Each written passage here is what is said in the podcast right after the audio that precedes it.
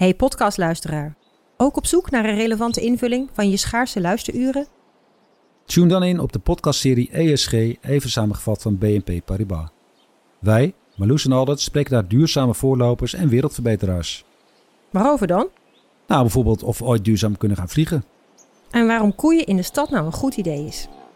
Dat en meer elke twee weken in een nieuwe aflevering. Dus abonneer je. ESG, even samengevat. Voordat we beginnen wil ik nog iets vragen aan jou als luisteraar van het uur. Wat vind jij van deze podcast? Ga naar nrc.nl slash het uur en doe mee aan ons luisteraarsonderzoek. We horen heel graag wat je denkt.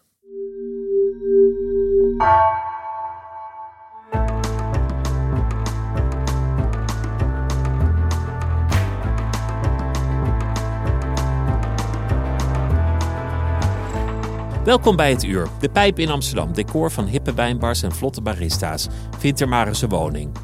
Ooit was het de plek waar wat toen heette gastarbeiders woonden. Nadia Boeras groeide daar toen op.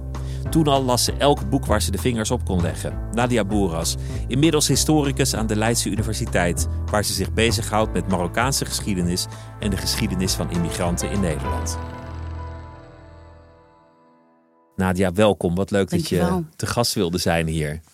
Ik vind het zo fascinerend dat iemand historicus wordt, om, om- omdat je dan bezig bent met het verleden. Het, het vergt een soort nostalgie of, of een soort fascinatie voor wat achter je ligt, of een manier van kijken. Maar wat is dat eigenlijk? Ehm, ik zou niet weten wat ik anders had moeten doen. Van jongs af aan had ik al besloten, ik ga geschiedenis studeren. Er was toch wel iets anders? Ja, maar ik, ik kon me daar geen voorstelling van maken. En ik was op de middelbare school was ik heel actief. Ehm, in de leerlingenraden schoolfeesten organiseren en zo. Dus toen ik bij de decaan kwam met het plan... ik wil geschiedenis studeren, waar moet ik heen? Toen werd ze heel boos. En zei ze, dat is een belachelijke studie. Je moet bestuurskunde doen. Daar heb jij talent in en dat moet je doen. Want dan kun je later een baan vinden en, en geld Whatever. verdienen. Want ja, ik was ook politiek geëngageerd en zo en heel actief. Maar ik dacht, bestuurskunde, dat leek me heel erg saai. En ik was juist heel erg geïnteresseerd in verhalen. Voor mij is geschiedenis, dat zijn verhalen. Verhalen over vroeger, waar je zelf een voorstelling bij kan maken. En als kind las ik heel veel, ook geschiedenisboeken. eh, stripboeken. eh, ehm, en, en ik dacht, ja, dit ga ik doen. En in de brugklas eh, wist ik het helemaal zeker. Toen hebben we het dagboek van Anne Frank gelezen. En, en toen wist ik het zeker, dit ga ik doen. Want, want dat boek, dat, dat, dat raakte je? Of het was het verhaal? Of wat, wat maakte dat los? Ehm, ja, ehm, ehm, verhalen van, eh, van vroeger. Verhalen eh, die van. eh, nou ja, ik was een dromer als kind. Dus ehm, ik verdween in die verhalen. Ik vond het heerlijk om in mijn bedje met een zaklamp gewoon al die verhalen te lezen. Ehm, Asterix en Obelix bijvoorbeeld. Ik vond Griekse mythologie heel erg boeiend. Grieken en Romeinen las ik heel graag. En, ehm, en ik dacht, ik wil meer weten over deze verhalen. Ik wil gewoon de hele tijd bezig zijn met die verhalen. Dus het leek me heel vanzelfsprekend en logisch dat ik geschiedenis ging studeren. Want, want daar gaat het over verhalen, over mensen. Wa- Ja. Was, dat, was dat iets wat je ouders begrepen? Want, want, want als je zeg maar niet Ja. opgroeit eh, in, in een heel vanzelfsprekende omgeving, eh, Ja. economisch gezien, dan, dan kiezen mensen vaak voor iets praktisch. Zeggen ze nou, weet je, ga dan maar een vak leren. Exact, ja. Nee, dat zie je inderdaad bij arbeiderskinderen. Ik ben natuurlijk Ja. een arbeiderskind en een migrantenkind. Dus dan moet je eigenlijk gaan voor de status, voor de goede baan en een goed inkomen. Maar daar hadden mijn ouders niet zo heel veel last van. Eh, mijn vader had zelf nauwelijks eh, op school gezeten, mijn moeder wel. En, ehm, maar die, die lieten ons volledig vrij daarin om een eigen keuze te, maken. En eh, nou ja, tegen die tijd dat ik ehm, geschiedenis ging studeren, had ik werkelijk geen idee wat het inhield. Want er blijft weinig over van die verhalen. En het is gewoon keihard stampen en eh, dingen leren, maar ook wel begrijpen. Maar ik had, ik had het geromantiseerd voor een belangrijk deel. Dus ik wist ook niet wat me te wachten stond. Maar ehm, die keuze lag aan mij. Dus ik, ik mocht zelf kiezen. Dat Ja. eerste jaar geschiedenis, dat weet ik nog. Ik heb het ook gestudeerd. Ja, Veldslagen, dynastieën, Ja.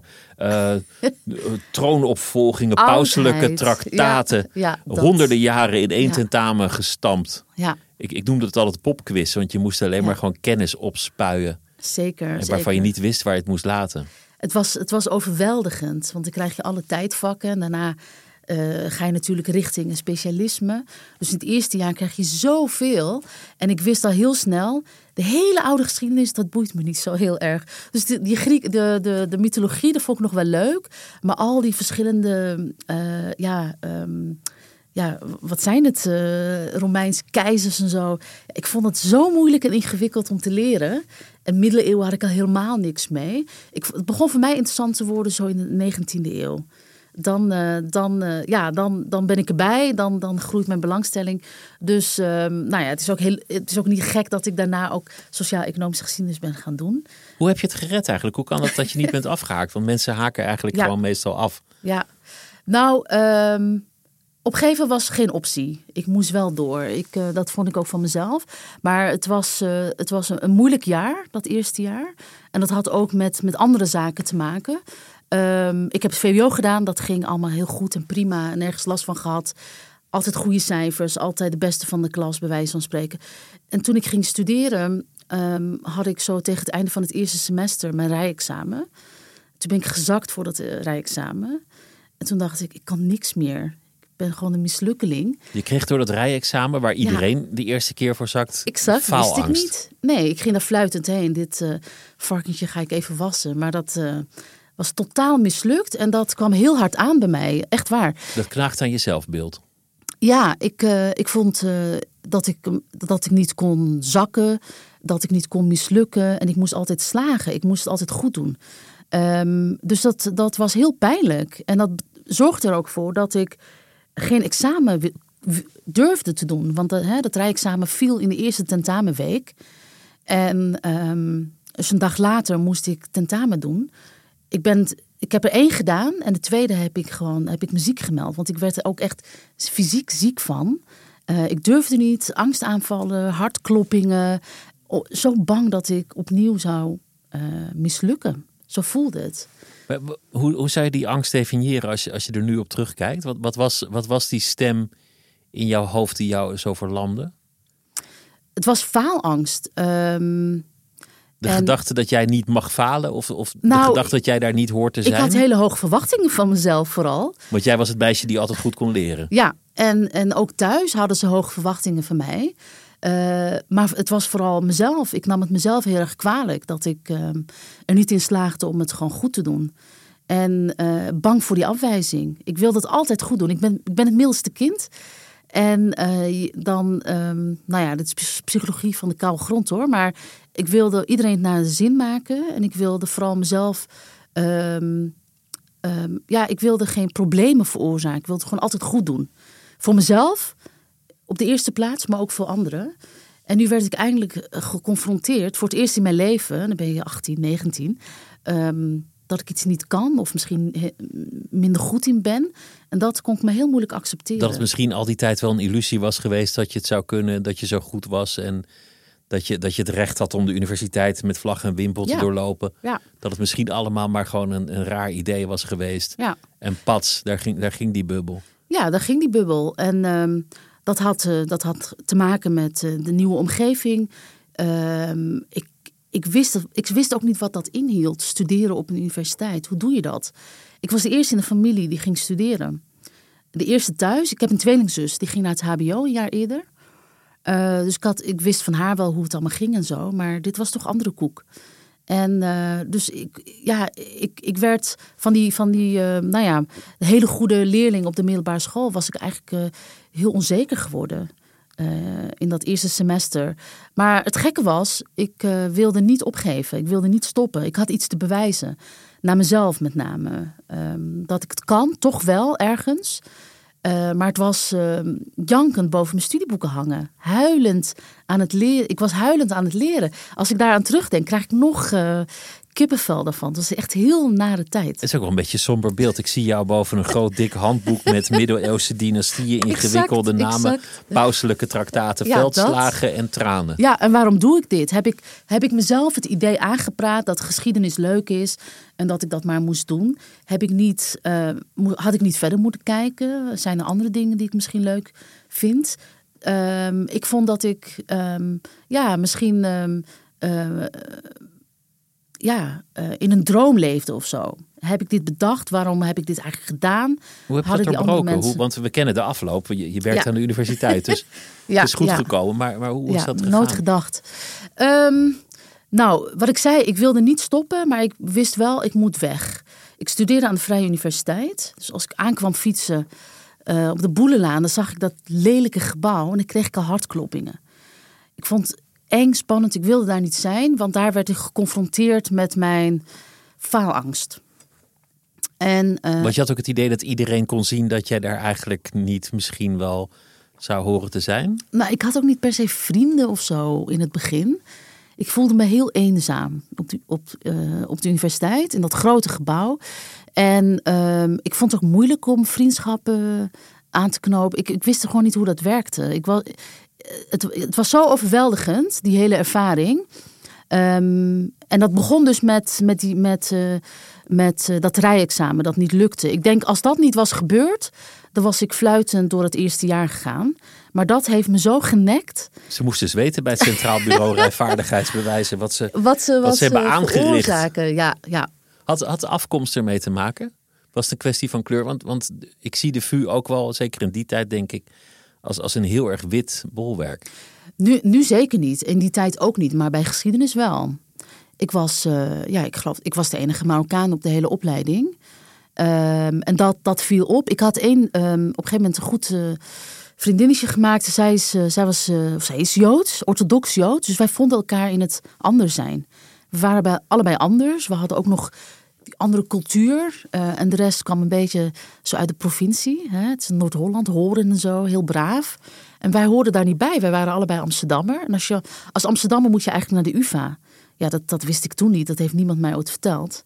Uh, dus het was heel gek dat ik uh, aan de VU belandde. Maar je zei, ik moest weg. Waar, waar, waar ben ik je moest toen, weg. Waar ben je ehm, naartoe gegaan? Ik ging naar Amerika. Ja. New uh, Jersey heb je gezeten. New Jersey, of all places. Ja, ik, dat was mijn, mijn, mijn droom. Als kind wilde ik altijd ehm, studeren in Amerika. Want ik kende, ik kende dat studentenleven van de films en de series. Beverly Hills 90210 en de campus en zo. En dat wilde ik ook ervaren. En dat dus was mijn droom. En ik dacht, het is nu of nooit. Ik moet weg hier. Ik ga niet stoppen met mijn opleiding. Maar ik moet wel weg. Want dit, uh, dit wordt nog mijn ondergang. En, um, en toen had ik eindelijk een project. Ik deed intussen wel die tentamens huilend. En dan haalde ik ze ook wel gewoon keurig met een acht. Um, en um, toen ben ik dat uit gaan zoeken. Want was, we hebben het over begin jaren 2000. En onze universiteit had helemaal geen ervaring met uitwisseling met Amerikaanse universiteiten. Dus er werd tegen mij gezegd: ga het maar uitzoeken. En uh, als je eruit komt, dan uh, vinden wij het best. En dat ben ik gaan doen. Dus ik had eigenlijk een project, was leuk. Maar New Jersey. Nou, nou, nou ja, New Jersey had ooit het idee om Born to Run van Bruce Springsteen tot volkslied te verheffen. Ja. En zou daarmee de enige staat ter wereld zijn geworden die een volkslied heeft waarin gezegd wordt dat je moet maken dat je er wegkomt. Exact. Dus, the dus, armpit of the US wordt het ook wel ja, genoemd. Het, het, is natuurlijk, het is natuurlijk wel echt iets anders dan, dan New York City of zo. Nou, ook hier weer, ik had geen enkel idee. Ik wist dat ik naar de oostkust wilde. En um, een beetje in de buurt van New York. Dat was het idee. Maar de universiteit waar ik naartoe ging is een hele goede universiteit. Een college, College of New Jersey. Um, als ik die op mijn lijst wilde zetten, dan moest dat bovenaan. Want de kans was heel groot dat je uh, tweede keuze of derde keuze, dat dat de plek zou zijn waar je naartoe zou gaan. Maar ik werd toch toegewezen aan de universiteit in, in New Jersey. En dat was prima. Het was in the middle of nowhere, de campus. Um, dus ik moest twee bussen nemen en dan was ik twee uur later in Manhattan. En dat was goed te doen. Dus jij, jij moest eigenlijk om je zelfvertrouwen te herwinnen ja, en om, om, je pad te hervinden ver weg van hier. Ja. Om, omdat je daar kennelijk helemaal ver van al het vertrouwde wel jezelf kon vinden. Ja, daar kende niemand mij en ik kende niemand. Daar kon ik als het ware opnieuw beginnen. En het was mijn droom. En nu deed die mogelijkheid zich voor. Um, op mijn initiatief, hè? want zo vanzelfsprekend was het niet. En dat, dat wilde ik heel graag. Um, maar ook nu werd ik weer geconfronteerd met, uh, ja, met, met eenzaamheid. Ik heb uh, de eerste weken huilend aan de telefoon gehangen. De, ik had helemaal, er was nog helemaal geen mobiele telefoon of zo. Dus ik moest gewoon met een payphone en dan uh, naar huis bellen. En, eh, en zeggen: ik, ik, ik mis jullie, ik vind het zo erg en ik ben zo alleen hier. Dat hij, en ik weet nog dat ik, dat ik heel verdrietig werd van het eten op de campus. Ik wilde gewoon een boterham met kaas. Klaar. Dat was er niet.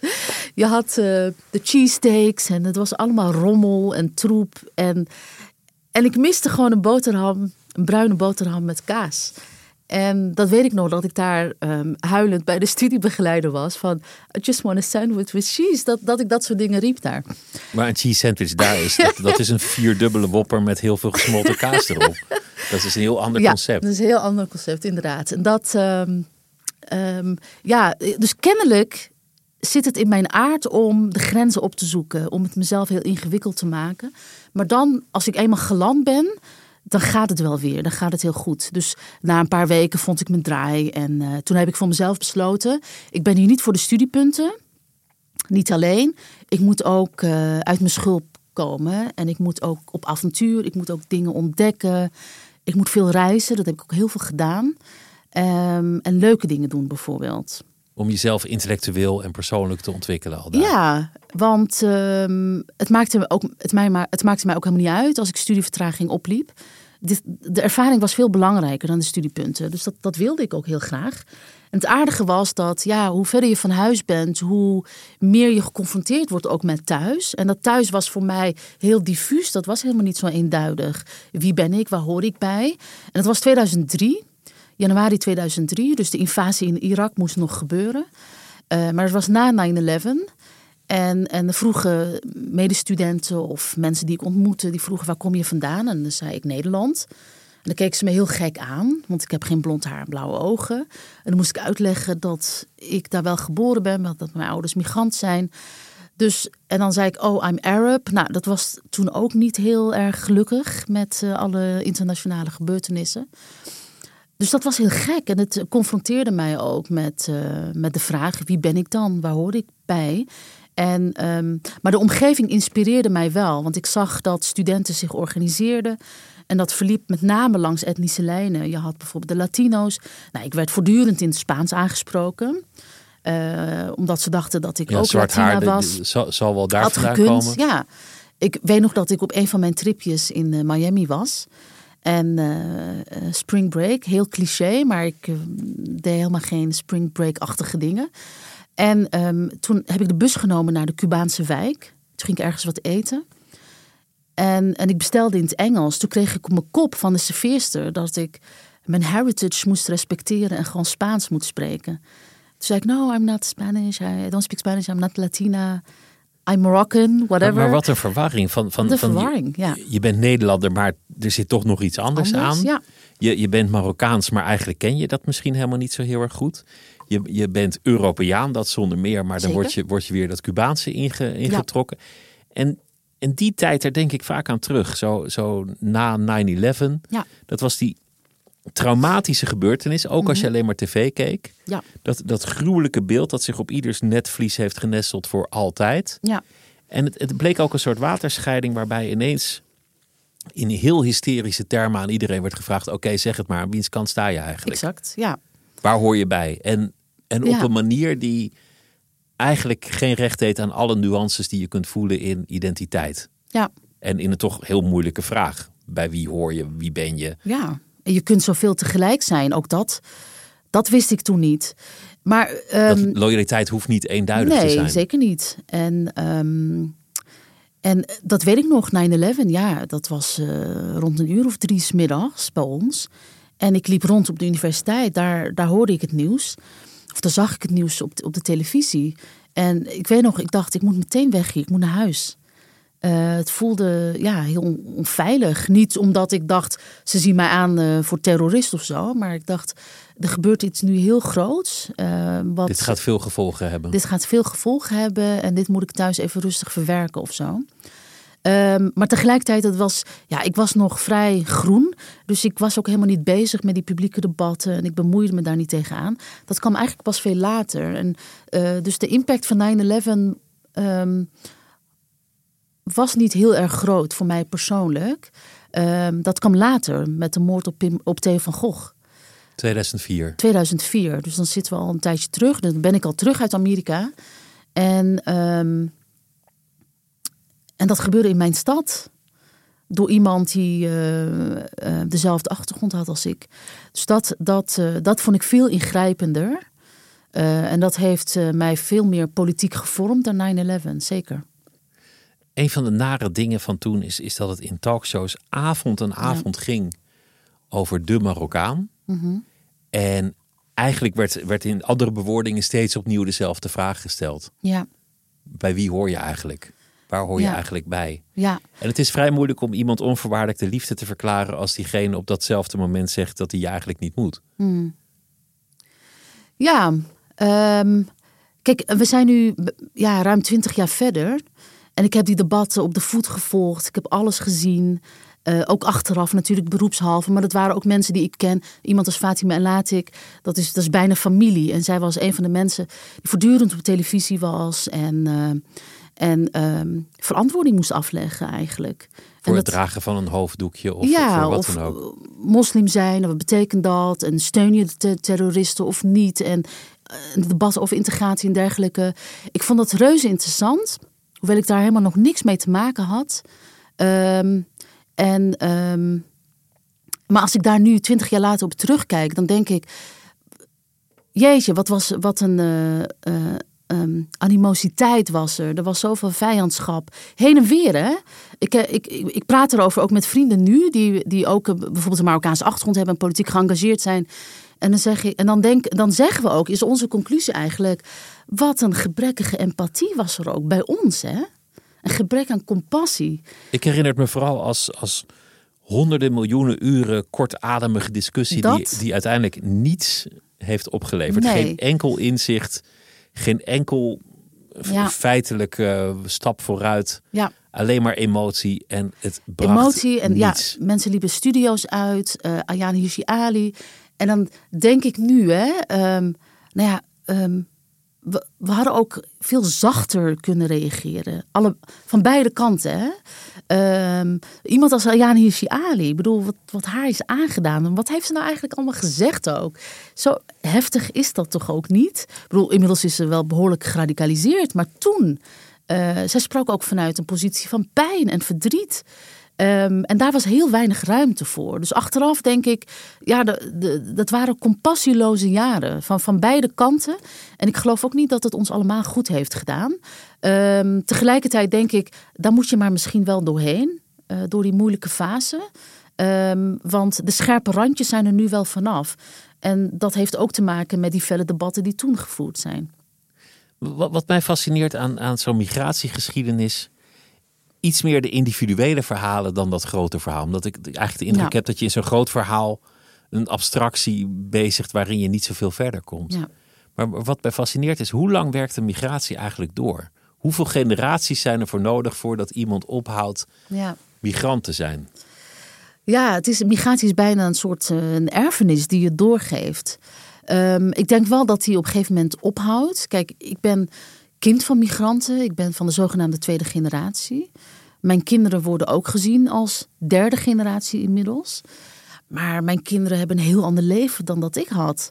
Dus ik zie wel dat er breuklijnen zijn. Ik zie wel dat het afneemt, dat het vermindert. Ehm, maar ehm, ehm, in mijn leven is het nog altijd wel heel erg belangrijk, zeker. En ook omdat je voortdurend moet verhouden tot de samenleving die ons heeft opgenomen. En je ouders, je zogenaamde eigen cultuur. En dan met name je, je familie, je ouders, die natuurlijk wel die migratieervaring hebben. Ehm, en die erfenis daarvan, ja, dat, dat, dat is heel veel. Dat is niet alleen maar negatief, dat zijn niet alleen maar trauma's. Maar dat is ook ehm, ja, ehm, viering en, en rijkdom en plezier. Dat zit er ook allemaal in. Maar eh, dat neemt wel af naarmate we verder komen. Ik bedoel, Marokkanen zijn hier al ruim 60 jaar, bijna, wel, bijna 70 jaar. Nou, op een gegeven moment verdwijnt gewoon ook die eerste generatie. En met, met het wegvallen van die generatie verdwijnen ook een heleboel verhalen. Ehm, en die krijgen wel weer nieuw leven, krijgen een nieuw impuls. Ehm, maar dat zo van een ander perspectief dat dat, eh, dat, dat eh, ja, een ehm, geschiedenis wordt. Dit wordt Ja, geschiedenis. dit wordt geschiedenis. Het is, een, het is een best belangrijke geschiedenis. Het heeft ons land gevormd. En het, en het verhaal wordt wel verteld. En het verhaal is wel beschreven. Maar, maar er zijn ook een, een paar hardnekkige misverstanden die terug blijven keren. En een beeld dat op, op vele netvliezen, inclusief de mijne, altijd gegrift heeft gestaan, is van de werving Ja. van, van goedkope arbeidskrachten in Noord-Afrika. Kijken naar het gebit. Even de Ja. Ogen naar beneden halen om te kijken of het wel wit was. Beetje alsof je een auto koopt. Maar dat, is, dat is eigenlijk maar een heel klein deel van de, van de geschiedenis. Ja. En ehm, ja, dat is zo interessant. Wij hebben Annemarie Cotard en ik, zij is historica. En mijn voorbeeld ook in, eh, in, in heel veel opzichten. Zij is helaas vorig jaar overleden. En wij hebben samen in 2009 een boek geschreven over die eerste fase van de Marokkaanse migratie naar Nederland. En precies met, met een zak vol mythes en veronderstellingen zijn we gaan praten met de mannen van het eerste uur, de pioniers die, eh, die hier, zijn, hier zijn gekomen. En ik weet nog dat ze in eerste instantie eh, helemaal niet met ons wilden praten per se. Want nou, het was 2008, hè, dus het ging alleen maar over problemen en eh, de gebrekkige opvoeding en de ouders die verzaken, allemaal dat soort dingen. Dus zij wilden helemaal niet praten. Totdat we uitlegden, nee, we zijn eigenlijk heel erg geïnteresseerd in uw ervaring, in uw leven, in uw ehm, migratie, komst. We gaan dus we gaan niet, we hebben het over niet nu, maar we gaan terug naar de jaren zestig. Nou, toen, toen eh, gingen ze helemaal open. Zijn ze heel openhartig geweest in het delen van hun eh, verhalen en gevoelens. En dan ontstaat een heel ander beeld, veel genuanceerder beeld dan, eh, dan dat we hebben vaak. En, en precies dat verhaal van de werving, hè, er was toen. ehm, dat was toen dat, dat filmpje, Jaap van Meekeren, de grote Jaap van Meekeren, heeft toen voor de AVO-televisie een reportage gemaakt in Woesta, een stad aan de grens met Algerije. En heeft toen die beelden laten zien. Al die honderden mannen die 24 uur voor opening van het wervingsbureau stonden te wachten, hopend dat ze ehm, eh, een ticket naar het paradijs zouden krijgen. Zo noemden zij ehm, een, een werkvergunning ehm, in Europa. En, en, dat, en, en als, je, als je kijkt naar die beelden, dan schrik je daarvan. Want je denkt, nou, eh, dat lijkt wel een, een, een slavenmarkt. En eh, die mannen worden beoordeeld. Het is heel ar- arbitrair op grond waarvan ze wel of niet Een zeer ongelijke verhouding is het. ongelijke verhoudingen. Maar als je iets langer doorkijkt. ehm, en dat zeker ook vergelijkt met de Franse werving. Nou, daar waren de Nederlanders echt heel barmhartig. En ehm, de Fransen die waren eh, ja, heel bruut. Die, die wierven met name in Zuid-Marokko. Waarbij de mannen eh, met ontbloot bovenlijf in een rij moesten staan. En die werden dan echt als, als vee gekeurd. Werd in ogen gekeken, in het, het gebit werd geïnspecteerd. En als ze dan door mochten voor de echte medische keuring, dan kregen ze een stempel op hun borst. Nou, dat is gewoon Couberta taferelen. Dat deden de Nederlanders niet. Maar wat, ik, in- wat ik in een van jouw stukken heb gelezen, wat mij Ja. wel verwonderde, is dat dit maar een heel klein deel van de Zeker, totale ja. migratie was. Ja, Dat de meeste mensen gewoon op eigen gelegenheid, op eigen Exact. initiatief. dat is heel kwamen. belangrijk. Want met dat boek hebben we echt, ehm, ja, ehm, zeg maar, eh, eh, die mythe doorgeprikt dat Marokkaanse mannen hier naartoe zijn gehaald. Die term wordt ook altijd gebruikt. Ze zijn hier naartoe gehaald. Zelfs jongeren van mijn generatie hebben dat beeld ook geïnternaliseerd. Hè? Van mijn vader of mijn opa is hier naartoe gehaald, is daarna uitgebuit en eh, eh, ja, eh, Nederland deugt niet en nou, dat verhaal. Dat klopt gewoon niet, want ehm, de werving was vrij laat. De Nederlandse werving in Marokko, die begon in 1969. Dat is eigenlijk tegen het einde aan. aan. Terwijl als je bijvoorbeeld vergelijkt met de Italianen, die zijn al begin jaren 60, de Turken ook begin jaren 60 geworven. En het ging om een hele kleine groep. Uiteindelijk waren dat er maar een paar duizend, misschien wel 3000 max. Terwijl verreweg de meeste mannen op eigen gelegenheid kwamen. Dus 1970, dus midden in die wervingscampagne, eh, werden in dat jaar werden duizend eh, mannen, enkele vrouwen geworven. Maar in Nederland woonden op dat moment toen al ruim 20.000 Marokkanen. Dus de meeste mannen zijn gewoon zelf gekomen. Zo, En dat is een, totaal andere verhouding dan zich in het publieke Exact. geheugen heeft genesteld. En dat doet, dus- dat, dat, eh, hè, dat, dat doet afbreuk aan het beeld van de Marokkaanse migrant als slachtoffer van het economische systeem. Nee, het was juist iemand die het heft in eigen hand nam, heel avontuurlijk was, initiatiefrijk en zelf besloot naar Europa te migreren. Dit is iets wat je vaak van, van Marokkanen hoort, of, of afstammelingen van eh, Marokkaanse immigranten. Jullie hebben ons hierheen gehaald. Jullie hebben ons onzin. hierheen gelokt. Ja.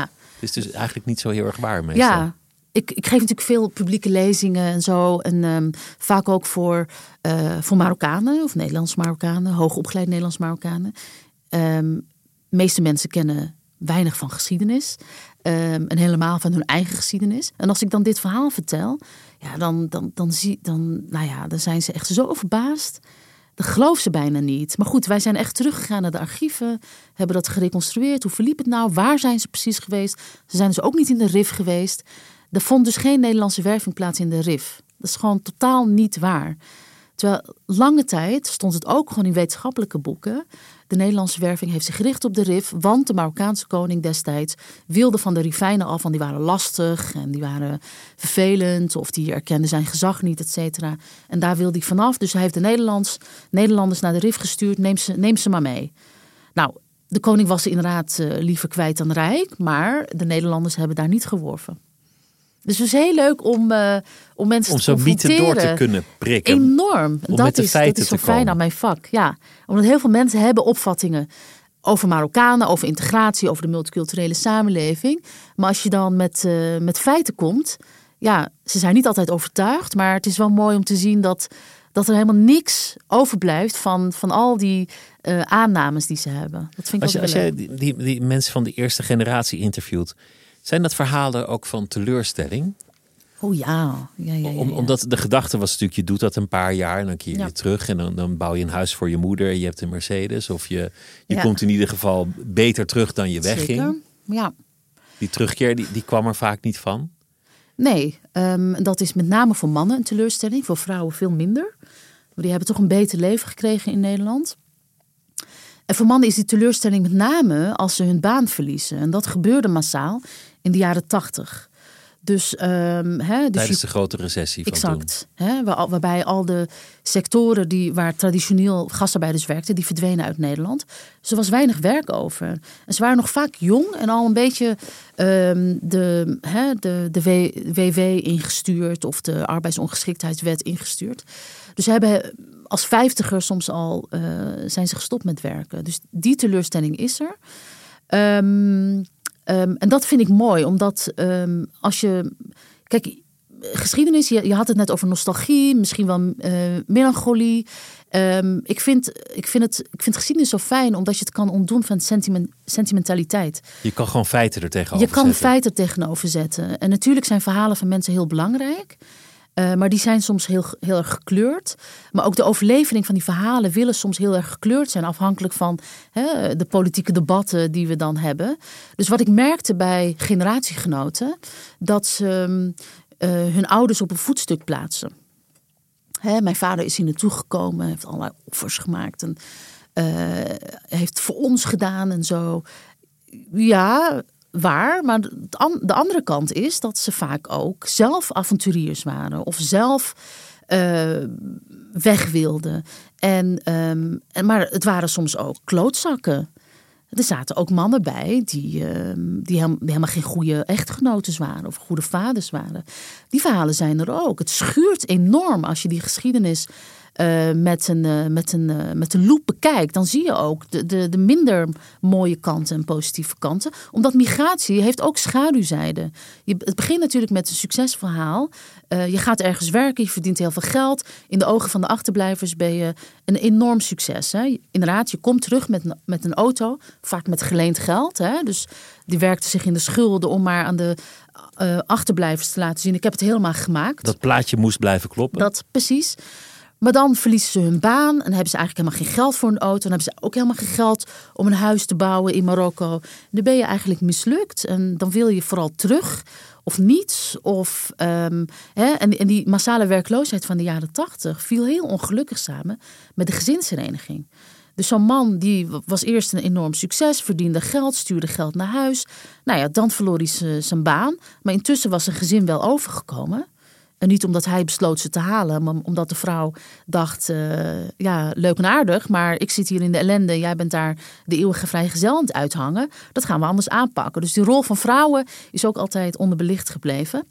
En dan komen ze dus in een situatie terecht waarbij er gewoon sprake is van armoede. Ze wonen vaak in hè, volksbuurten, in vervallen huizen. Um, sociaal-economische positie is heel, heel laag, heel zwak. Kinderen moeten naar school, problemen. De jaren tachtig, dat was echt een decennium van heel veel sociale problemen. Met name bij die kansarme Marokkaanse en Turkse gezinnen. Dat is waar de dromen spatten. Ineens zit je met een gezin op een flatje en ben je niet meer een vrijgezel met uh, nee. vier schatjes in het café. Want exact, de, de, de, berichtgeving in het begin was, was heel erg over dat het, dat het zulke mooie mannen waren. En dat het harde werkers waren. Je ziet ze ook op foto's staan in, in, in, mooie fleurige pakken. Zeker. Gewoon in een, in een Amsterdams volkscafé. Ja. En in de jaren tachtig is het ineens een, een heel somber en heel ander beeld. Ja, ja. En veel orthodoxer ineens. Ja, want dan zijn ze ook veel zichtbaarder door de komst van, van vrouwen en kinderen. Ja, en dat, dat moet ik soms ook heel expliciet zeggen. Ze kwamen hier niet als oude mannen of als moslims in, in traditionele kleding. Zoals we ze nu wel eens op straat zien schuifelen richting de moskee op vrijdag. Dan denk je, ah, wat, schattig. Maar toen ik kwam in de jaren zestig was het gewoon een jonge vent. Uh, met een bos krullen en uh, hippiekleding. Um, en, en, de vrouwen, uh, aan, aan ieder arme vrouw. En ze waren inderdaad heel erg geliefd. Er was volop werk. Um, veel vrije tijd. Hè? Work hard, maar ook play hard. Dat is wat ze deden. En um, dus dat waren gewoon jonge mannen. Aardige jongens waren het. Leuke, aardige En later mannen. waren toch teleurgestelde mannen Later, vaak. niet allemaal. Maar voor de mannen die in de zware industrie zaten. In de mijnen werkten. Dat waren de sectoren die verdwenen uit Nederland. En dat betekende dat je dan gewoon thuis kwam te zitten. Er was gewoon geen werk voor laag opgeleide um, ja, handwerk. Dat was er niet in Nederland. Dan kom je thuis en dan moet je ineens, uh, dan ben je ineens de autoritaire vader. Um, en um, de, de man die zijn dagen slijt, of in het café of in de moskee. Meer keus was er niet. Hoe, hoe zit het eigenlijk in jouw eigen jeugd? Ja. In, in hoeverre geldt dat voor, voor jouw ouders? En in hoeverre heb jij in je jeugd ervaren dat je tussen twee culturen zat? Nou, je, zeker. Ik kom, ik kom uit een, uh, ja, nou, niet heel typisch Marokkaans gezin. Um, ik zat dus op een uh, Arabische school met alleen maar kinderen van Marokkaanse migranten. Um, um, dus dan kan je ook vergelijken. We waren in heel veel opzichten gewoon hetzelfde. Uh, we herkenden veel in elkaar. Maar toch waren wij altijd dat modelgezin voor een belangrijk deel. En dat had vooral te maken met het feit dat mijn moeder werkte. Mijn moeder was de enige werkende vrouw op de hele school. Uh, mijn moeder werkte, dat, dat zag je niet bij andere gezinnen. Mijn vader heeft altijd gewerkt tot aan het eind van zijn leven. Uh, mijn vader was uh, conciërge in een bejaardenflat. En mijn moeder was daar kok. En, en mijn vader heeft weinig scholing gehad. Die komt ook uit het platteland, Zuid-Marokko. Mijn moeder komt uit de grote stad, Casablanca. En die stond op het punt om naar de universiteit te gaan, totdat het besluit werd genomen dat ze moest trouwen met mijn vader. En trouwen met mijn vader betekende dat, je, dat ze ook naar Amsterdam moest verhuizen, want daar woonde mijn vader inmiddels. Um, dus vaak is dat omgekeerd. In heel veel Marokkaanse gezinnen is dat omgekeerd. Is de vader wat gescholder dan de moeder. Bij ons was dat anders. Bij ons was ook mijn moeder de baas. Nou is dat bij heel veel Marokkaanse gezinnen zo dat de vrouw de baas is. Dus het was anders. We hadden meer geld te besteden. Uh, we konden ook andere keuzes maken. Um, simpelweg omdat, er, um, ja, omdat mijn moeder ook geld verdiende. En dat maakte heel veel uit. Mijn vader was heel zuinig. Mijn moeder helemaal niet. Dus dat, uh, dat uh, was, zat, zat wel goed in balans. Um, Zij was weer een mondaine vrouw van de wereld die, die, het, die het geld liet rollen. Ja, en vooral ja, om, omdat ze zoveel heeft misgelopen en over trauma's gesproken. Ja, mijn moeder heeft uh, wel een trauma overgehouden aan haar migratie. En dat heeft heel lang geduurd totdat ze kon werken en die zelfstandige vrouw werd die ze altijd wilde zijn. Wel interessant dat je zegt dat de vrouwen de baas zijn. Ja. Daar, daar is dat is ook zo'n mythe waar veel misverstanden over Mhm. zijn. Iemand heeft het mij wel eens uitgelegd als de vrouw is de baas, maar de man mag buiten, buitenshuis doen alsof hij de baas is. Exact, een soort ja. PR-medewerker. Ja, zolang, uh, zolang de vrouw maar weet hoe het echt zit. Ja, van Ja. daarna als hij thuis komt krijgt hij er van langs omdat we weten hoe het echt zit. Ja, ja nou ja, ehm, eh, ja de, want de, de rol van de vrouw is een hele belangrijke. Binnenshuis, maar ook buitenshuis. En dat, dat is ook zo historisch gegroeid. Hè? Want op het moment dat die mannen hun baan verloren in de jaren tachtig... betekende het wel dat er voor vrouwen... ehm, kansen kwamen op de arbeidsmarkt. Ehm, nou, niet meteen op een advocatenkantoor... maar misschien wel een schoonmaakster op een advocatenkantoor. Dus de, de, zeg maar, de klassieke baantjes van de gastarbeider, die verdwenen. Maar voor vrouwen kwamen er weer meer mogelijkheden. Uh, bijvoorbeeld in de schoonmaak, uh, als, uh, als oppas, dat soort dingen. De over, overblijfmoeders en zo, dat doen ze massaal. Dat betekent gewoon eh, je eigen geld, min of meer financiële onafhankelijkheid. En uh, het zijn de vrouwen binnen, binnen de Marokkaanse cultuur die voor een belangrijk deel ook nou ja, richting dan geven aan het gezin. Een man is gauw tevreden, hoeft allemaal niet zo heel veel. Maar vrouw wil toch altijd dat haar kinderen het beter hebben, dat zij zelf ook beter heeft. Dat is ook de reden dat mannen, als ze uh, op een gegeven moment wat later worden en er zijn al kinderen en kleinkinderen, dan willen ze niet in Nederland blijven. En dan willen ze vaak terug. Daar heb ik onderzoek naar gedaan. Mannen willen terug omdat ze hier eigenlijk niet zo heel veel meer hebben om trots op te zijn. Uh, en in Marokko wel, want dan zijn ze toch die succesvolle migrant die ooit uh, vertrokken is en nu weer teruggekomen is en zijn rijkdom laat gelden, hoe klein die rijkdom ook mag zijn. Vrouwen denken: nee, teruggaan betekent dat ik de hele dag in die keuken sta, de hele familie komt langs. Hier heb ik mijn kinderen, mijn kleinkinderen, heb ik nog mijn kleine baantje, verdien ik mijn geld. Kan ik gewoon rustig koffie drinken in de HEMA? In heel veel dorpjes kan dat niet in Marokko. Dus vrouwen willen heel graag blijven, terwijl mannen in de meeste gevallen terug willen. Dat is interessant. Heel interessant. Nou, afgelopen jaar was, was er één hele grote gebeurtenis, namelijk het, het, het WK. Mhm. Waarin uiteindelijk Marokko langer meedeed dan, dan Nederland. De, de, toch, toch een beetje de wereld op zijn kop in veel opzichten. Het Ja. eerste Afrikaanse land dat zo ver kwam in een WK-finale. Ja. en, en wat er wonderlijk aan was, is dat heel veel Nederlanders aan de ene kant heel trots waren. Ja. Ineens waren het ook hun Marokkanen. Er waren natuurlijk ook een paar spelers met dubbele nationaliteiten. Dat gold niet alleen in Nederland, maar ook in Frankrijk. Tegelijk werd er ook meteen heel veel nadruk gelegd op de negatieve kant, die er ook waren. Terwijl dat hoort nou eenmaal bij voetbal ook dat er, dat er Ja. werd. Maar Oh, ja. het kreeg onmiddellijk natuurlijk aandacht. Maar het, het, het leek ineens een soort pijldatum van, van, van de voortgang van integratie te zijn. Ja. Het was een wonderlijk moment. Het was heel wonderlijk. En ehm, ik moet daar nog ook goed op reflecteren. Eh, maar het was, ehm, het was een viering. Het was een feest. Van begin tot, tot het einde. En ehm, ik vond het heel mooi, omdat ik bij jong en oud, tweede, derde, vierde generatie inmiddels. Eh, vreugde zag eh, over wie, wie, je, wie je bent, wie we zijn. Dat je dat Marokkaans zijn ook mag vieren. Dat je dat mag vieren, dat je dat mag etaleren. Je mag het in de etalage zetten. Dit is wie we zijn. En ehm, kijk, ik, ik ben een 90s kid. Ik ben geboren in 81. Dus ik heb niet heel erg die, eh, de verrechtsing van de politiek heb ik natuurlijk meegemaakt. Maar toen was ik al min of meer volwassen en politiek gevormd. Maar als je geboren bent in het begin van de jaren 2000, dan heb je eigenlijk alleen maar de verrechtsing van de politiek meegemaakt, van de samenleving, de verharding. Die harde discussies. Die harde discussie waarbij eh, ehm, Marokkanen, moslimterroristen, noem het maar op, allemaal op één hoop werd gegooid. Het was allemaal negativiteit. Ehm, en nu, dat hoorde ik ook mensen zeggen, mensen, twintigers nu zeggen met een Marokkaanse achtergrond. Voor het eerst in mijn leven ehm, wordt mijn identiteit gevierd. Wie ik ben mag gevierd worden. En dat, dat doet iets met de mens. Eh, en, en dat sentiment begrijp ik heel goed. Als je voortdurend wordt bekritiseerd of eh, negatief wordt eh, uitgelicht, dan, dan heb je gewoon een behoefte aan iemand die zegt: hey, wat ben jij leuk? Of eh, wat doen jullie het goed? Nou, dat doet iets met de mens. En dat heb Of, ik of gezien. iemand die zegt, je- het, het kan eigenlijk wel dat je en Nederlander en Marokkaan Ook dat. bent. Nou ja, dat, dat, dat heeft ook met emancipatie te maken. Er waren, ik kan me herinneren dat we discussies voerden over integratie. Waarbij je dus moest kiezen: ben je voor Marokko of Nederland als ze tegen elkaar voetballen. En als je dan voor Nederland bent, ja, dan hoor je erbij. Dan was je gelukt als, eh, als, als was je een succesvolle eh, migrant of migrantenkind. Als je voor Marokko was, nou dan. Dan was je eigenlijk onaangepast en eh, eh, een nep-Nederlander of iemand die, eh, waarvan de integratie was mislukt. Zo, nou ja, dat waren ongeveer de smaken. Heel ongenuanceerd was dat debat. En nu voor het eerst zag ik dat mensen zeiden: Ja, ik ben heel blij als Oranje doorgaat. Maar ik ben nog blijer dat Marokko door is. Want ik ben allebei, ik heb allebei.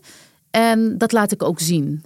En dat, eh, dat heeft te maken met, dat, dat betekent emancipatie. Dat is voortgang. Dat is voortgang. De- iemand schreef ook, als, als, je, als je een rode kaart haalt, dan ben je Marokkaan. En als je een doelpunt scoort, ben je Nederlander.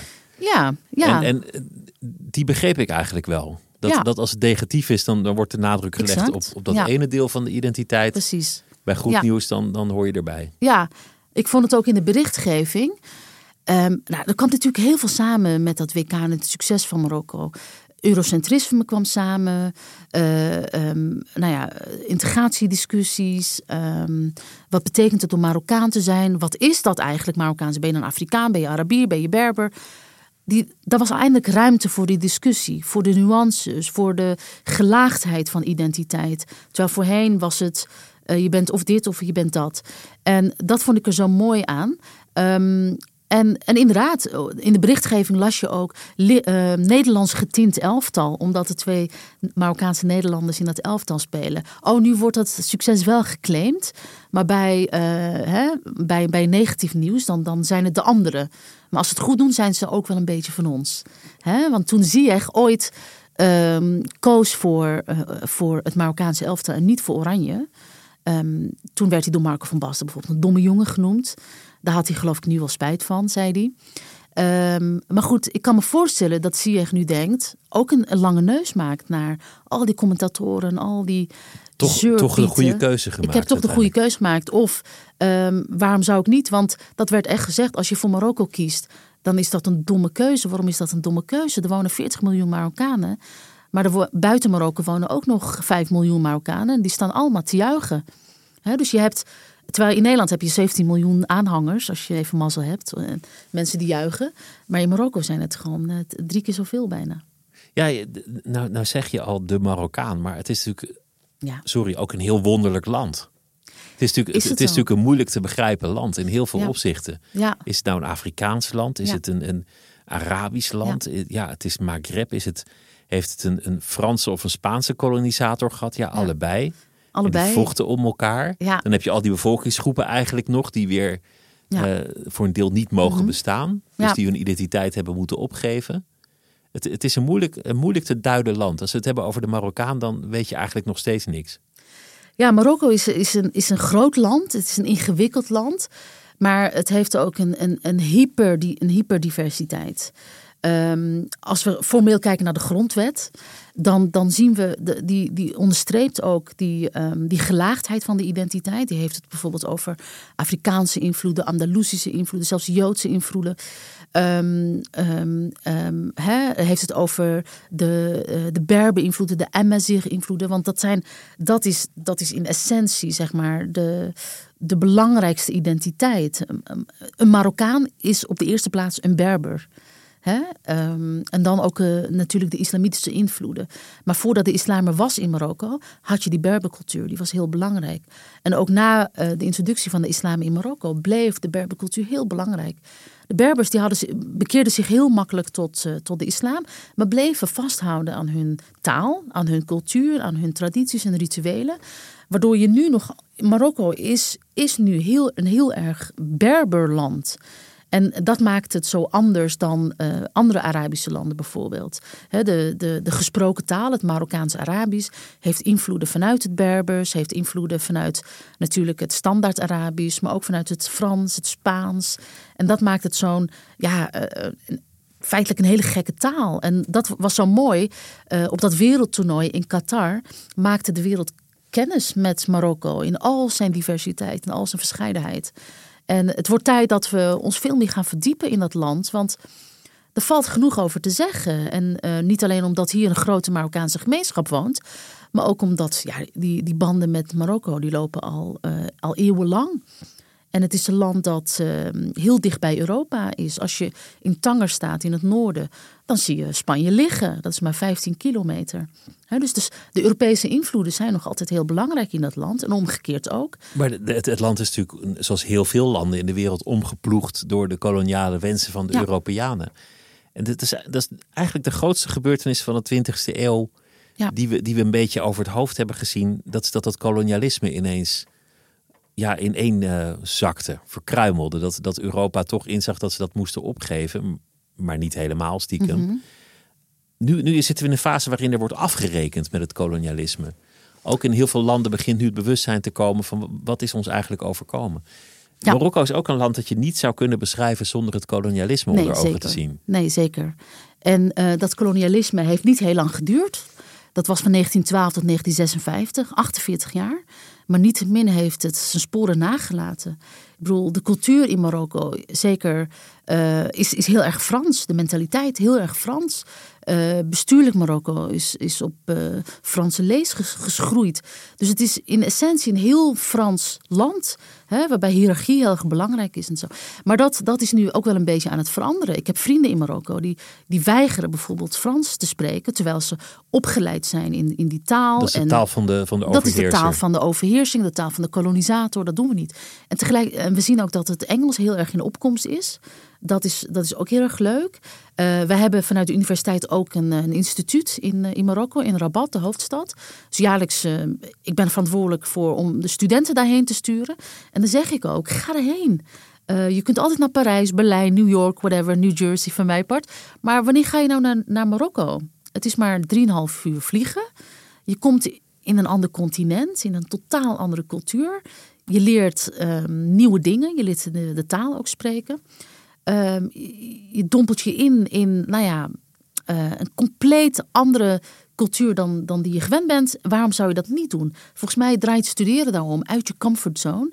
En nou, dan weet ik ze toch te overtuigen. En dan gaan ze, want ze weten iets van Marokko omdat ze Marokkaanse vrienden hebben of ze lezen de krant. En, maar het is heel erg negatief. Ze denken daar ergens in een jungle terecht te komen. Waar de infrastructuur, waar, mensen, waar nog, weet je wel, uh, ezels met karren door de straat gaan. Nou doen ze dat wel, maar is de, is, is de modernisering van Marokko natuurlijk ook al een aantal decennia aan de gang.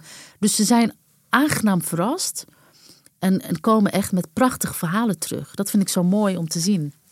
Je, je, je, zei een paar dingen van, van dat je houdt van de verhalen, maar dat je het ook leuk vindt om, om geschiedenis van de emotie te ontdoen of de nostalgie en er feiten aan toe te voegen. Mhm. als, het, als het gaat over immigratie, integratie, uh, biculturaliteit, dat soort dingen, heb ik het idee dat de wetenschap vaak niet zo goed gehoord wordt in het debat. Dat wetenschappers vaak een totaal andere toon aanslaan dan politici of, of journalisten. Um, dat, is, dat is waar. Um, dat, dat geldt voor de wetenschap in het algemeen. Maar ik denk voor um, wetenschap rond migratie in het, natuurlijk wel in het bijzonder.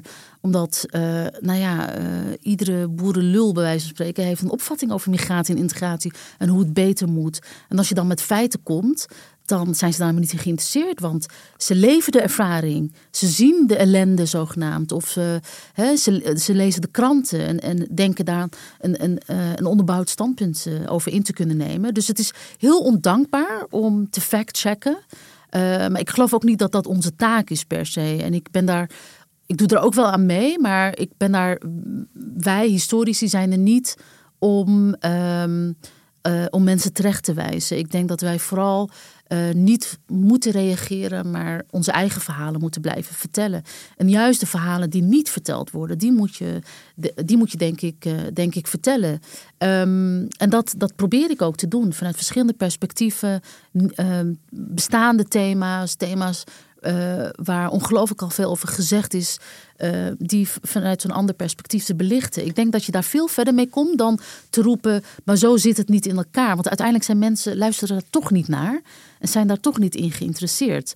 Um, en wat mij altijd fascineert als ik uh, lezingen geef door het land, en het maakt niet uit voor welk publiek, of dat nou hoogopgeleide mensen zijn of de Rotary Club in weet ik veel waar. Um, mijn eerste vraag is altijd: hoeveel Marokkanen wonen er eigenlijk in Nederland? En um, zelden wordt het goede antwoord gegeven. En mensen roepen echt. Ik zou het ook niet durven geven. Hoeveel, nee, hoeveel zijn het er? Ik zal het je niet vragen. Um, het zijn, ik bedoel, dan, dan, dan, um, dan tel ik ook de tweede, derde, inmiddels zelfs de vierde generatie mee. 420.000. Dat is heel weinig. Dus nog geen 2% van de Nederlandse samenleving. Terwijl uh, als ze moeten gokken, dan zeggen ze 3 miljoen.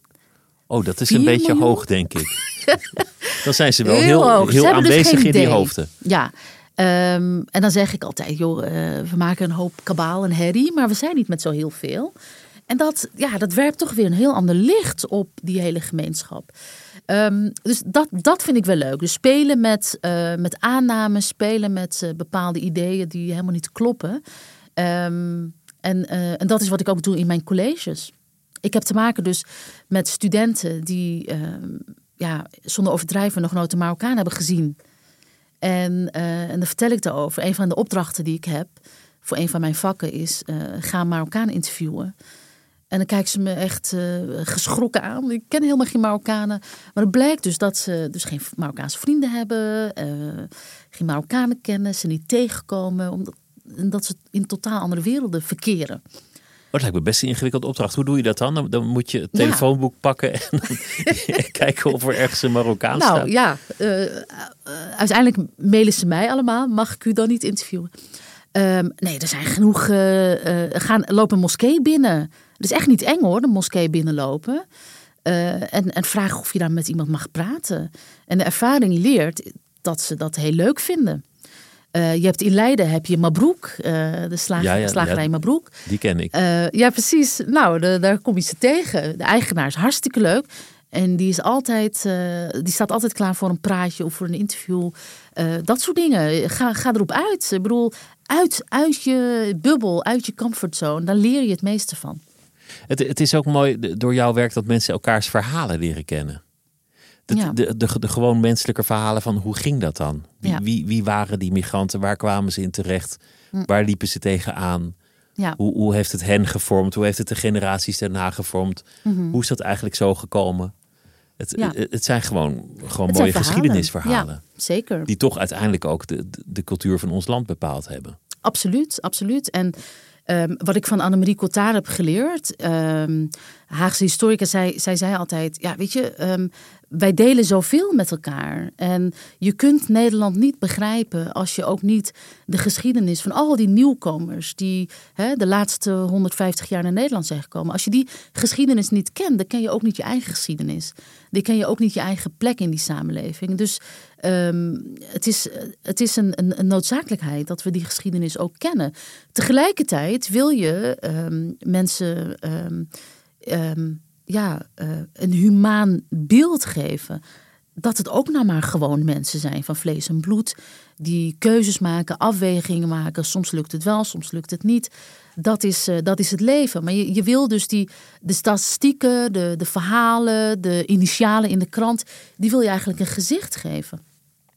En dat doe je dus met, door die verhalen te vertellen. Of dat nou in boekvorm is of um, in, uh, in documentaire vorm. Ik heb een boek geschreven over mijn basisschool. Nou ja, voor mij is dat gewoon uh, een stukje Amsterdamse geschiedenis. Die school stond in Amsterdam. Daar gingen kinderen met de Marokkaanse achtergrond bij. Maar dat waren kinderen die bijna allemaal in Amsterdam waren geboren. Dus het is, dit is ook gewoon Amsterdamse geschiedenis. Een, een geschiedenis voor Marokkanen met onderwijs in eigen taal opgericht ja. door twee dominees. Ja. Vond, ik ook, vond ik ook zo wonderlijk. Ja, heel bijzonder. Ja. En, en eigenlijk voor jou een heel positieve geschiedenis. Een, een dierbare herinnering, zoals ja. ik het las. Ja, zeker. Um, in Nederland hebben we, hebben we een heel negatief beeld van bijzonder onderwijs. En van islamitische scholen in het bijzonder. Nou was mijn school niet islamitisch, maar Arabisch. Wat ook uniek was. En uh, die school ontstond um, in 1971. Want het waren twee dominees die een gemeenschapshuis hadden op de Amsterdamse Wallen. En uh, die kwamen in aanraking met Marokkaanse gastarbeiders die daar woonden, in pensions. En, um, en daarna um, kwam, kwamen de gezinnen, ook dankzij die dominees, want die stonden garant voor een woning. En uh, toen liepen daar kinderen op die grachten. En het was heel gevaarlijk, want ik kon helemaal niet zwemmen. Er viel wel eens een in de gracht. En um, we hebben het over de jaren 60, eind jaren 60 Amsterdam. Nou, uh, je, je struikelde over de, de daklozen en de prostituees en de drugsverslaafden. Nog steeds, maar toen iets, ietsjes meer. En, um, en toen vonden die dominees, nou, we moeten iets beginnen voor die kinderen. We beginnen een schooltje. En ze begonnen met zeven leerlingen. En die school groeide uit tot een van de grootste basisscholen van Amsterdam. En met het idee, dus de, de visie van de school was gestoeld op de christelijke gedachte van naaste liefde. Wees goed voor een ander, vooral als die ander een vreemdeling is. En um, deze kinderen hebben recht op eigen taal en cultuur. Een heel ander beeld dan wat je altijd leest over ja. zwarte scholen, wat, wat vaak vrij negatief is. En dit, ja. dit, dit was voor jou in ieder geval iets heel positiefs. Leuk om met je te praten. Dank je wel dat je langs wilde komen. En ja. uh, ik wens je heel veel succes met, uh, met het volgende boek dat, dat er aankomt over de, de Marokkaanse geschiedenis. Dankjewel. Heel veel plezier gedaan. En dat was het uur voor deze week. Volgende week dan zijn we er weer. Het uur wordt gemaakt door Bira-zeehandelaar Anouk van Kampen en Anne Moraal. Mijn naam is Pieter van der Wielen. Tot volgende week.